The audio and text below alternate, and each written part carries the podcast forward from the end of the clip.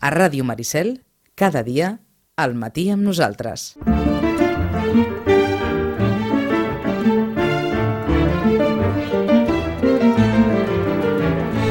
11 i 21 i la setmana passada, per molt que ho intentàvem, no vàrem poder saludar Rosana Lluc. Què va passar? Bé, va passar una d'aquelles coses que, que d'alguna manera per una novel·la no ens servirien, però per una petita història, per descomptat que sí. Vet aquí, diguem-ne, una empresa que decideix canviar d'operadora telefònica. I arriba un dia d'aquells en què s'executa el canvi d'operadora. I, talment com diu la dita catalana, que de cada bugada en perdem uns llençols, doncs aquí vam perdre els llençols i la bugada, així d'una tacada. No us hem recuperat, eh, els llençols. Hem, algun, algun hem, hem rescabalat de la bugada d'una altra i, per tant, podem tornar a utilitzar la línia telefònica.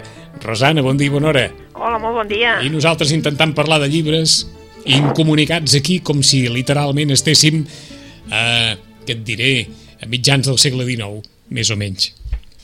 I és això que tenen les comunicacions, no? Que, Caram. Eh? Les necessitem, les necessitem. Oh, i tant, si les necessitem. O almenys aquesta secció la necessita, la comunicació, eh? Però mm, enrere queda el Sant Jordi, enrere queda el balanç que ens feia que ens feia la Rosana, i no sé si estem ara en aquesta època vall en què fins que no arribi fins que no arribi l'estiu han de passar diverses coses. Però abans ens agradaria eh, la reflexió d'una llibretera perquè ha estat eh, tema de conversa a Sitges aquests, aquests darrers dies eh, el tancament de la llibreria Malvasia. Eh, la llibreria Llorenç, que és la llibreria de la Rosana, havia tingut també una, una delegació aquí a Sitges que, que va acabar tancant i Sitges no té ara llibreria té quioscos que venen, que venen llibres i, i, i persones que regenten aquests quioscos amb una ferma, fermíssima voluntat de, de mantenir el negoci del llibre i atents als, als fidels lectors, però ens hem quedat sense, sense llibreria. Jo no sé si continua sent aquest encara un tema molt de conversa entre les persones del gremi, però la, la Rosana, per experiència familiar, en podria dir, suposo, moltes coses de, de com ara pot funcionar un negoci de llibreria sense morir en l'intent, no? És que és, és difícil, ja veieu És que difícil? és molt difícil, sí. Si te'n recordes, fa, fa un temps vam parlar d'aquesta d'aquesta eclosió, d'aquest munt de llibreries que es muntaven a Barcelona, Sí. molt petitetes i que eren, diguéssim, eh, el que se n'hi diu autoempleo, no? És a dir, hi ha una persona sola, eh, de vegades dues, no? I que intenten, doncs, eh, funcionar com a, com a llibreria. I, i, I és difícil, però bé, saps? Vull dir, has d'estar com a... Són negocis, és veritat, molt petitons, amb molta voluntat de, doncs, de, no? de fer de llibreria de barri, i estan en barris de Barcelona i llavors doncs, intenten fer aquest servei de llibreria, però que és molt difícil, és molt difícil perquè, és clar comences a fer números i, és clar els números no surten, i si no surten doncs és molt difícil perquè abans encara, doncs no sé, no? Potser les editorials també doncs facilitaven més, cosa que ara no faciliten gens, eh? Vull dir que...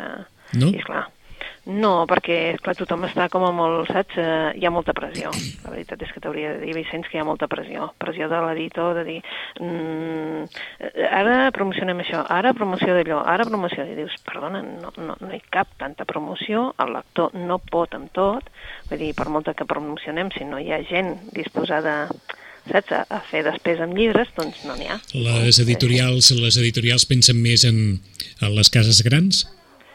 Mm, sí i no, és a dir, sí i no, però la veritat és que és eh, bastant decebedor, jo diria decebedor pels que ens agraden els llibres i perquè ens agrada una mica doncs, no? parlar de llibres i de cultura i, i que tenim això el referent no? de que el llibre també que és cultura perquè en realitat eh, si tu mires la llista de no ficció mm, en castellà, eh? Uh, no sé qui les fa, però realment, realment haurien de sortir, eh, durant un temps han sortit els bloggers, els youtubers, com a eh, llibres més venuts. Llavors, clar... Eh, això, senyor- també, això també vol dir alguna cosa, no? Exacte, vol dir molt, eh? Vull dir que, és clar, vull dir, si no ficció que hauria de sortir, doncs, en un moment com estem, eh? En un moment que, com estem, que, que estem passant un moment allò de dir, bueno, doncs hi hauria d'haver més pensament, Mhm. més autocrítica, més, eh, més més, necessitat. me, eh? més assaig, vaja. Eh, més assaig, més necessitat d'assaig, no? De dir, bueno, doncs què ens està passant com a societat, què ens està passant com a, com a nosaltres, com a poble, no? Mm, no, i el moment polític també sembla que hagi passat. Vull dir, si te'n recordes, al febrer semblava que hi havia una Mhm. eclosió, no?, de l'Emilian Mestre, del Lluís Foix, de Sí, una sèrie de sí, gent sí. que encara... Això ja ha passat. I llavors vols dir, bueno, tu, mm, no sé si, saps? Vull dir, uh, per mi, clar, que hi hagi, que com a el Perixita i gent així, que, que siguin els més venuts, és que, de veritat, eh? Mhm. Vull dir, si un llibre I- I... com el trolear en internet ha de ser un dels clar, més clar, venuts. Clar, clar. I, bueno, no, no dic res, eh? De És- Rubius i és- gent és a dir, que... eh, És a dir, un, els de, un dels llibres més venuts és Com trolear en internet, eh? Sí, vull dir, esclar, vull dir que... Sí, sí, és clar. Mm, veritat, vull dir, tu agafes el llibre i també et cau els peus, eh? També no...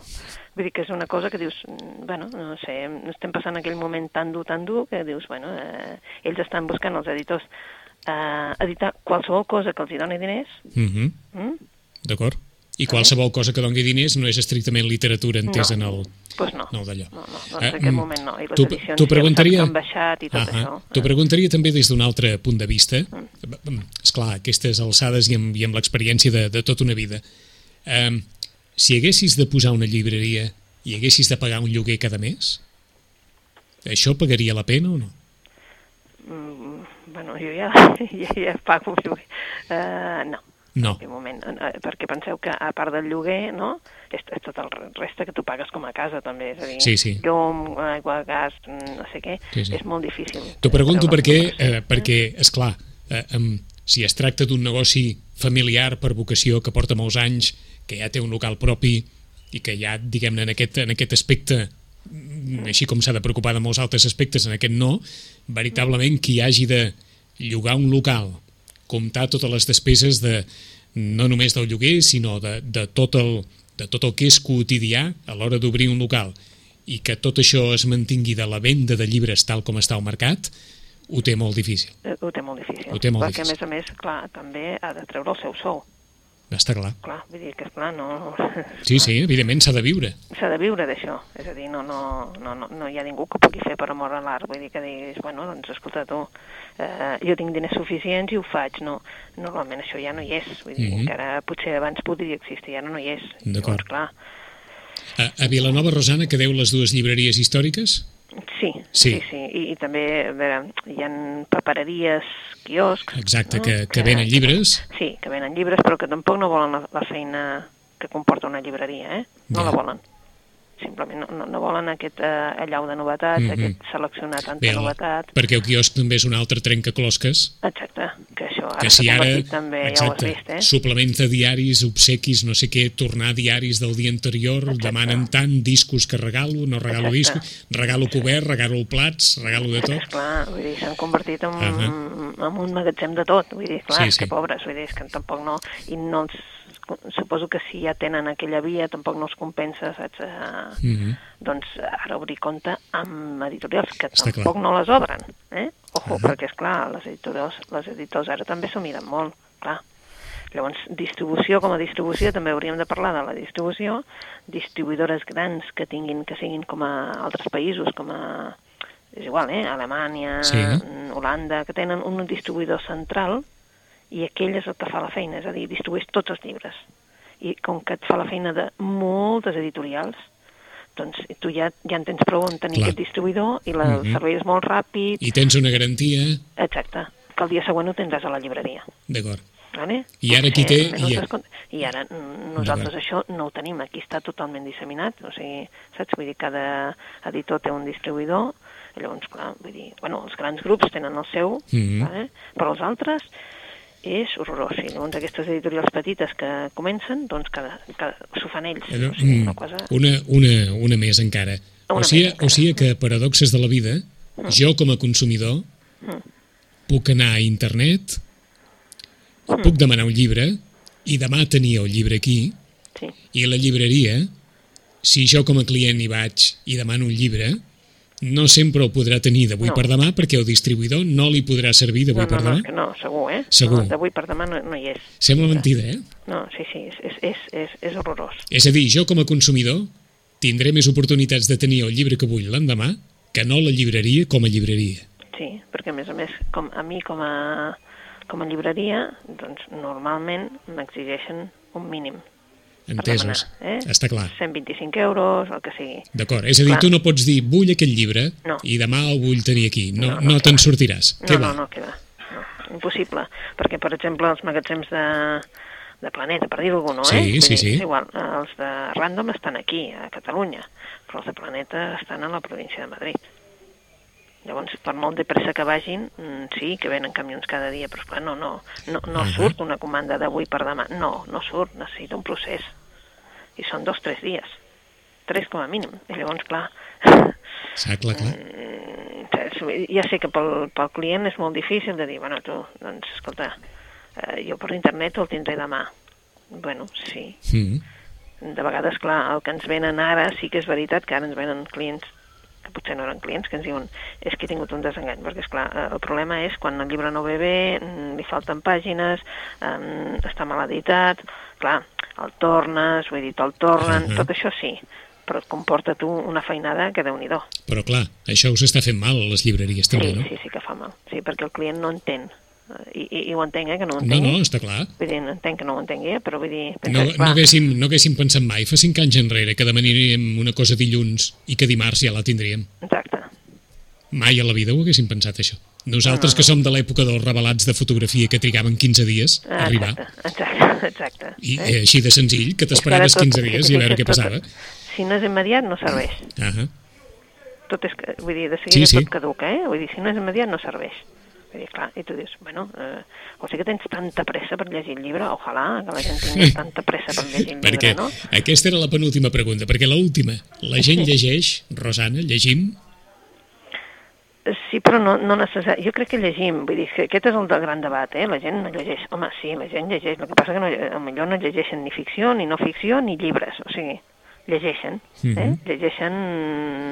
Eh, estan tot el dia amb el correu electrònic, estan amb el WhatsApp, estan amb, saps? Ho- A- Amb el Twitter, ho, ho dic per allò de si, si llegíssim, les llibreries viurien. exacte. Sí, Els editors editarien més en català. També, Per exemple. Saps? Perquè eh, ara ja els clients sí que la veritat és que el lector, eh, el que ve a la llibreria, diu, no, no, sí, ja ho entenc. I, I tens una col·lecció de clàssics fantàstica en castellà, que, que és la de Penguin, que, que, que es troba a tot, a, Ahà. tot el món. Ara l'han fet en castellà, vale? l'estan editant i estan editant tots els clàssics eh, de diferents segles, no? Ho estan fent, eh? Vull dir, no està fet encara, però potser hi ha 60 o 70 títols ja. I això en català és que no, no ho veurem. no ho veurem. No, no ho veurem ja. Jo, jo crec que no ho veurem ja. És paradoxal el que dius, eh? Sí, o sigui sí, no, que no, però- però estem, estem, estem immersos en allò que diuen un procés històric que pot acabar amb la creació d'un estat català Sí, i en canvi una llibretera de les de tota la vida diu que la feina és poder trobar una col·lecció de clàssics de tots els temps de la millor literatura possible en català clar. en les mateixes condicions, amb el mateix preu que Sí, es sí, pot exacte, trobar en sí, castellà. Tot, tot, sí, sí, sí, sí. Vull dir, clar, és que voldríem tot, no? Vull dir, Sí, sí, no, està però, clar. Però, clar, vull dir, normal, voldríem, doncs això, el que és normal, doncs Mhm. també ho voldríem per nosaltres, no? I això no pot ser. I llavors dius, bueno, eh, a veure, mm, saps? És curiós, vull dir, clar, la butxaca està intentant doncs, posar molts títols, sí, bueno, però és clar, és que està intentant posar en el mateix sac, posem, doncs, saps, un llibre que s'ha editat ara amb un altre que es va editar Està clar. Fa un segle, no pot Eh? ser. Una mica descoratjador, això que expliques, no? Sí, sí, bueno, imagina't a mi que ho visc cada dia, eh? Sí. És, és de vegades penses, bueno, tira endavant, no, no, no, cal, que, No, no, no. cal pensar tant. Vull Ho dir, dic perquè, fora, sa, fora, eh? va, perquè Sant Jordi tot molt bonic, bla, bla, bla, Sí. etc etc. però el dia a dia és un dia a dia, mm, en fi, descoratjador, eh? més Sí, enllà de les descoratjador experiències. en aquest sentit, sí. Vull dir, clar, eh, a veure, és alegre, eh, és entusiasta mm, tot el que es refereix a dir, oh, un nou llibre de tal, un nou Mhm. llibre de tal, no? I tens aquesta alegria, però després, mm, saps? Vull dir, quan penses en totes aquestes mancances, en tot el que ens està passant, saps? Vull dir que eh, els llibres tots tenen molt poca, molt poca vida, mm, pff, saps? Sí, Penses, que "Ui, i... Tot té molt poca vida, ara. Tot, tot, tot, Tot és que ha de ser molt vida, ràpid, fixa't és que cert. tot, eh? Vull dir, en, que et digui algú, no, no, aquest compte amb CD no el vull perquè jo ja no tinc... Sí, no sí, tinc CD. literalment. Jo ja no tinc CD. Literalment. Literalment, sí, sí. Mm, clar. I, i, en, bueno, i, en, I en canvi sembla que tornen els vinils que es venen, Exacte. que es venen el, el doble o el triple que, que els, Sí, que els sí, CDs sí. o, o eh, en fi, en allò, en un, en bueno, un hi ha moment. romàntics que encara no els hem llançat, eh? No, és I cert. llavors, clar, tenim aquesta sort. És cert, és El cert. que passa és que jo fa temps que... Bueno, jo, jo em vaig revelar la primera vegada que vaig haver de comprar doncs, una cadena d'aquestes, perquè no hi havia... I dius, bueno, i per què m'haig de quedar sense els... Doncs pues no, és que no em porten. Ahà. I dius, com no em porten? Doncs pues no em porten. I dius, bueno, sort que ara tot no, torna, però torna Sí, d'una sí. manera molt minoritària. Eh? Molt, molt, molt. Vull dir, molt, Molt. especial, molt, saps? Sí, sí. I molt associada a una manera de viure o a Ah, una manera o una certa aparença en algunes vegades, etc etc. Eh? Fem un repàs a les novetats després d'haver hem volgut que a partir de l'experiència que, que ha viscut la, la llibreria La Malvasia doncs poguéssim parlar Em sap molt de nosaltres. greu per l'Òscar, Doncs, perquè... Eh? Mm, eh, la veritat. no, sí, sí, doncs... Eh, Aquí se- hi havia posat molt d'entusiasme. Mm -hmm, certament. I, I per tant, des de l'experiència que, que, que pot tenir, evidentment, la Rosana, com, Mm. com altres llibreries eh, veteranes que, que estan vivint i que han viscut el, el període de la crisi, etc etc i, i del context actual, poguéssim tenir la, la, la teva opinió. Per on comencem, Rosana? Comencem. Bueno, doncs, eh, una novel·la que ha arribat avui, avui, avui, eh? és eh, el de... A la gent li sonarà, perquè, bueno, continuem amb el tema d'aquell de, de la novel·la policiaca per entretenir-nos, eh? Exacte. I a més a més ara, si abans hi havia excusa, ara ve l'excusa de l'estiu, que és perfecta, per dir, escolta, una cosa fresca, hi ha una novel·la policiaca que a l'estiu m'agrada molt, no? Doncs avui eh, ens apareix el nou llibre del Joel Dicker. Eh? Si recordes, va ser un, un, un cas de la veritat sobre el cas Harry Quebert, va ser un dels llibres mm, venuts durant temps i temps i la gent va quedar molt enganxada en, en, aquest, en aquest llibre, no? Perquè era allò recurrent, recurrent, recurrent, que et semblava que ja trobaves l'assassí i no el trobaves mai, no? Uh -huh. Doncs bé, ara el Joel Dicker ens repeteix, ens repeteix, dic, ens repeteix perquè ens troba amb, amb el personatge, amb el Marcus, el Marcus Goldman, el protagonista de la veritat sobre el cas Harry Quebert, se'l trobem aquí, en aquesta novel·la, i bé, és, eh, troba amb, ell representa que troba amb el seu cosí, el Woody, que està a punt d'entrar a la presó, i clar, eh, ell torna cap a Baltimore eh, per passar aquest últim dia de llibertat amb, amb el seu cosí. Eh, clar, mm, mm, quan ja torna, una altra vegada, com va passar en l'altra novel·la, quan ja torna, el que el truca és el seu el tiet Saúl i ha passat una cosa greu. Sí, mm, jo he vist la mateixa fórmula, encara no l'he llegit perquè just ha arribat, clar, avui es posava a la venda, no es podia posar abans, bé, doncs el Saúl el truca i a partir d'aquí doncs ja comença eh, el camí del Marcus cap a, eh, a Baltimore. I per què? Pues perquè allà hi ha el, la història familiar. Eh? Els Goldman de, de Baltimore, que per ell eren allò com si fos el somni americà. Eh? Vull dir que era bueno, tot un glamour, eh? um, hi havia molta gent amb èxit, unes cases molt grans, molt maques, cotxes deportius, saps allò, unes vacances d'aquelles eh, fantàstiques que ell passava amb els seus cosins Uh -huh. i amb el seu oncle, que eren la banda dels Goldman, no? Però la veritat és que ara eh, um, ell va veient que hi ha algo que quan s'acosta, cada vegada que s'acosta més a la veritat, i, i ell va veure, va, va veient el, el que va passar, el que va passar, que va canviar tot per sempre. Bé, és, un- torna a ser una novel·la d'aquelles que jo crec que tornarà a enganxar-nos. A França ha estat un èxit i crec que aquí tornarà a ser un èxit una altra vegada. La no- la gent té novel·la- molt bon record de... eh, La novel·la es titula, Rosana? El llibre, de, el llibre dels Baltimore. El llibre dels Baltimore. Baltimore, eh? a, a la campana en català, com sempre, i en castellà a Alfaguara. Mhm. Bé, això han respectat les dues editorials, eh? S'han respectat els drets una altra vegada i ha sigut així. Eh? Autor jove, eh? Que, que, Autor jove, que recordeu que era molt jove el Joel Dicker quan va publicar aquella i és, eh, clar, perquè és, aquest noi uh. -huh. ha nascut el 85. Exacte, eh? té 30 anys. Vull dir que sigui sí, que- és autor jove. eh? Mhm. I ja, ja va, bueno, quan va publicar la, la veritat sobre el cas eh, Harry Quebert era joveníssim, Mhm. eh? eh, però bueno, eh, la veritat és que va ser aquell autor, saps?, que era suís, però que de pare, bueno, que parlava francès, eh, anglès, perquè tenia també arrels angleses, és a dir, un noi, doncs, diferent, mm -hmm. un suís diferent, perquè una... va ser èxit a tot arreu. Amb, una, amb una carrera meteòrica, eh? Sí, sí, una sí. carrera sí. meteòrica. Més, li havia passat el mateix que estava explicant en el llibre, és a dir, que el primer, eh, el cas de Harry Quebert, que era que un autor de molt èxit es troba en la necessitat d'escriure un segon llibre perquè l'editorial l'espitja perquè diu, eh, per contracte et vas comprometre a fer un segon llibre i en mm -hmm. principi semblava que això mateix el que li podia haver passat amb ell. Eh? I ara acaba de sortir avui mateix el llibre dels Baltimore de Joe Dicker, versió catalana, versió castellana. Més novetat, Rosana. Em sembla que no n'hem parlat eh, del Jussi, Sin Límites. Jo diria que no. No, perquè és que ha sortit fa molt pocs dies i ens va, com que la setmana passada no vam poder parlar.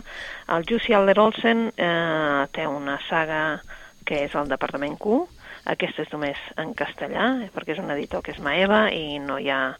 Ningú no s'ha atrevit aquí a, a Catalunya a fer-lo. La veritat és que en som tot una, un reguitzell de gent que som lectors, lectors del Jussi, som fans eh, del Jussi.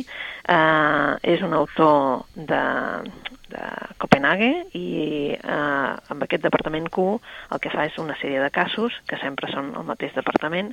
Aquest és el sisè llibre i es diu Sin Límites. I aquesta vegada ens parla, doncs, una altra vegada del Cal Moore, que representa que és el, el, jefe del, cap, de, del, del grup, del, del departament, a l'Assad, que és l'ajudant, i la Rose, que és la secretària. Tots tres són aquells personatges que el que ha llegit una mica un, algun dels llibres i ha quedat enamorat d'ells perquè són eh, d'aquelles persones rares, vull dir, d'aquelles molt... cadascú amb les seves rareses, però que la veritat és que com a grup aconsegueixen, perquè tots tres són molt tossuts, van molt a la seva, però tots formen grup i llavors aconsegueixen doncs, resoldre els casos que la policia no resol. Què passa en aquest? Pues que el comissari, un comissari que es diu Christian Habersat eh, porta 17 anys, 17 anys intentant aclarir l'assassinat d'una noia mm, d'una jove, una jove que va acabar penjada en un arbre, eh, ella anava en bicicleta i va acabar penjada en un arbre. Um, es va obsessionar tant amb aquest comissari en aquest cas que porta 17 anys um, que encara no ho ha resolt sí. uh, ha destrossat la seva vida uh, amb aquest cas perquè de fet mm, la seva, es va separar el seu fill viu uh, fora també i clar, uh, en definitiva tothom sap en el poble que és el raro del Christian Habersat del comissari aquest que és un pesat que sempre està amb el mateix bé, ell està desesperat i li demana ajuda al Cal Mort el que passa és que aquest no li fa cas i li diu, bueno, mi, a mi això em queda lluny i tal. Què passa? Que al cap de dos dies aquest Christian Habersat, que ja estava tot preparat, doncs li fan el comiat perquè es jubila i en el mateix moment en què està fent el comiat se suïcida. Clar, amb aquesta notícia, la Rose, que és la secretària del CAL, doncs li diu que la culpa seva, que han d'anar cap allà i solucionar aquest cas. I clar, el que veuen és que això està com a molt complicat, com sempre, ho tenen complicat, Mm -hmm. el que voldria desaparèixer i anar-se'n una altra vegada cap a, cap a Copenhague, però clar, s'han de quedar a, a una isla sueca d'Ouland, però perquè els hi han donat permís per, per investigar el cas, però la veritat és que cada vegada s'ho troben pitjor. Mm -hmm. El que no saben és, com sempre, com sempre, que posaran en perill les seves vides. Sin límites. És una novel·la que d'aquelles que l'agafes, t'asseus i que no tinguis res al foc perquè ho tens perillós. No, no. Per descomptar que hi ha molts elements aquí com per quedar clavat Sí. davant de la novel·la, eh? Molts, molts. Sin eh? límites de Jussi Adler Olsen, Olsen, eh? acabat de, acabat de sortir, la, la gent del departament Q, un comissari que porta 17 anys investigant un cas, que morirà, que morirà el seu fill i que el seu company de treball haurà de fer alguna cosa per resoldre-ho. Però a la vegada, resoldre-ho implicarà posar-se també en una situació de risc, no només ell, sinó els dels seus voltants, sin límites. Només, com ens deia la Rosana, en edició en castellà, l'editorial Maeva. I una recomanació més. Uh, bé, doncs acaba de sortir, per aquells que els agraden el, els, el que se ne diu unos novelones, saps allò, novel·les allò, eh? que són Sí. de moltes pàgines i a més a més una història de, no? de- d'amors, de, mm, de traicions, de venjances i de tot. Una novel·la d'aquelles d'abans, vaja. De les de l'abans, eh? Però la Carla Montero ens ha escrit una novel·la, una novel·la que, que clar, té un pes considerable perquè té quasi 800 pàgines, i esclar, mm, és una novel·la d'aquelles que, bueno, quan la veieu doncs direu, home, sí, eh? eh es veu la cara d'una noia i llavors com, com a neu que cau per sobre, no? El invierno en tu rostro, es diu. I l'invierno en tu rostro, eh, evidentment, parla d'una història, en principi, una història així que és un poble de muntanya, són germanastres, l'Helena i el Guillem són germanastres, i, però ells viuen allà doncs, de manera molt tranquil·la i bé, um, no podrien viure l'un sense l'altre. Eh? Però uh, una cosa inesperada els hi passarà i es veuen obligats a, a separar-se. Eh? I el, la veritat és que aquella complicitat infantil després es converteix, evidentment, en amor juvenil i, bueno, i comencen a, a fer-se cartes, mm, cartes que, evidentment, són amoroses, malgrat que són germanastres, eh? Però, clar, esclata la Guerra Civil. I llavors, eh, dura- quan esclata la Guerra Civil, resulta que l'Helena està a Oviedo i el Guillem està a França. Eh? Um, però, esclar, el Guillem està molt amoïnat perquè um, voldria treure l'Helena d'Oviedo i emportar-se-la i se'n va cap a, cap a reunir-se amb ella. Mhm. Però, clar, la guerra està al mig, la guerra posa a prova, l'Helena s'ha convertit en infermera voluntari del van sublevat. I llavors, clar, eh, està eh, en una ciutat sitiada. Eh? El Guillem eh, realment resulta que s'ha apuntat a la Divisió Azul. Per tant, estan contraposats, és a dir, Vaja. l'una d'un bàndol, l'altre Sí. de l'altre, um, clar, um, Segona Guerra Mundial també... Um, O sigui, o sigui aquí- dos, dos germanastres, Exacte, un republicà i l'altre nacional. sí. Eh? I els dos s'estimen.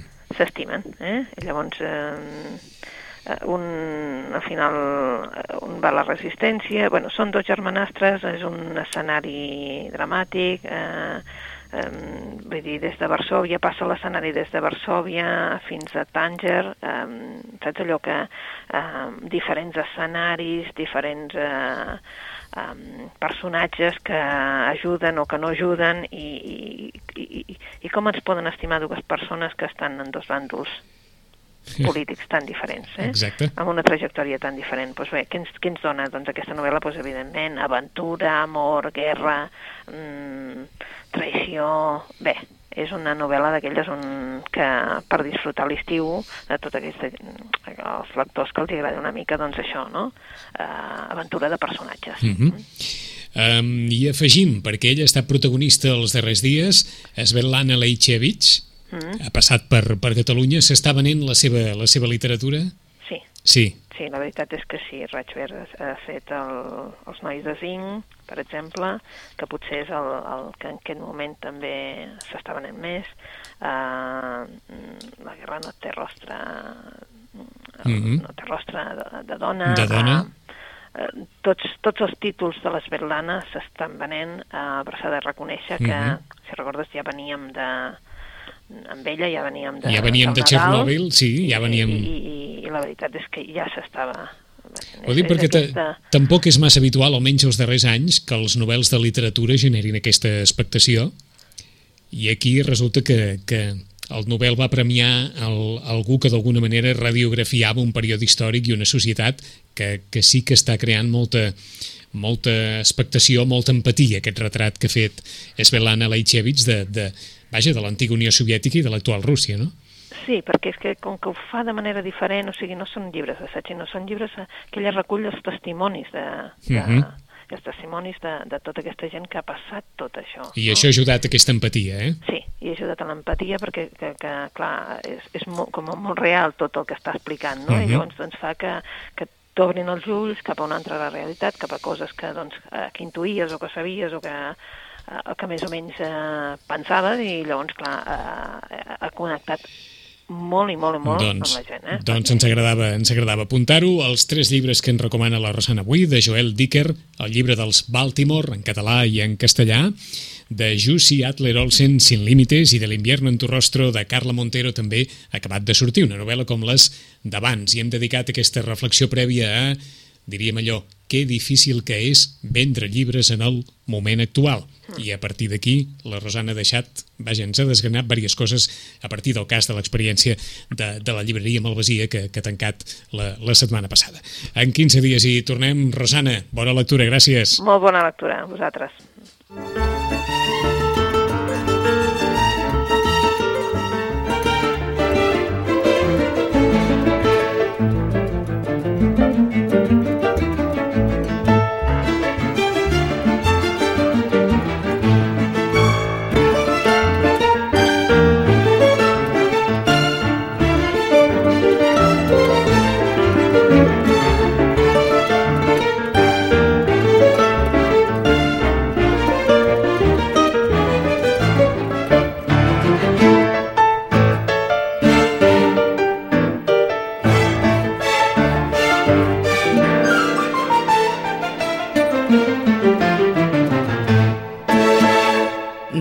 Maricel, 107.8 FM.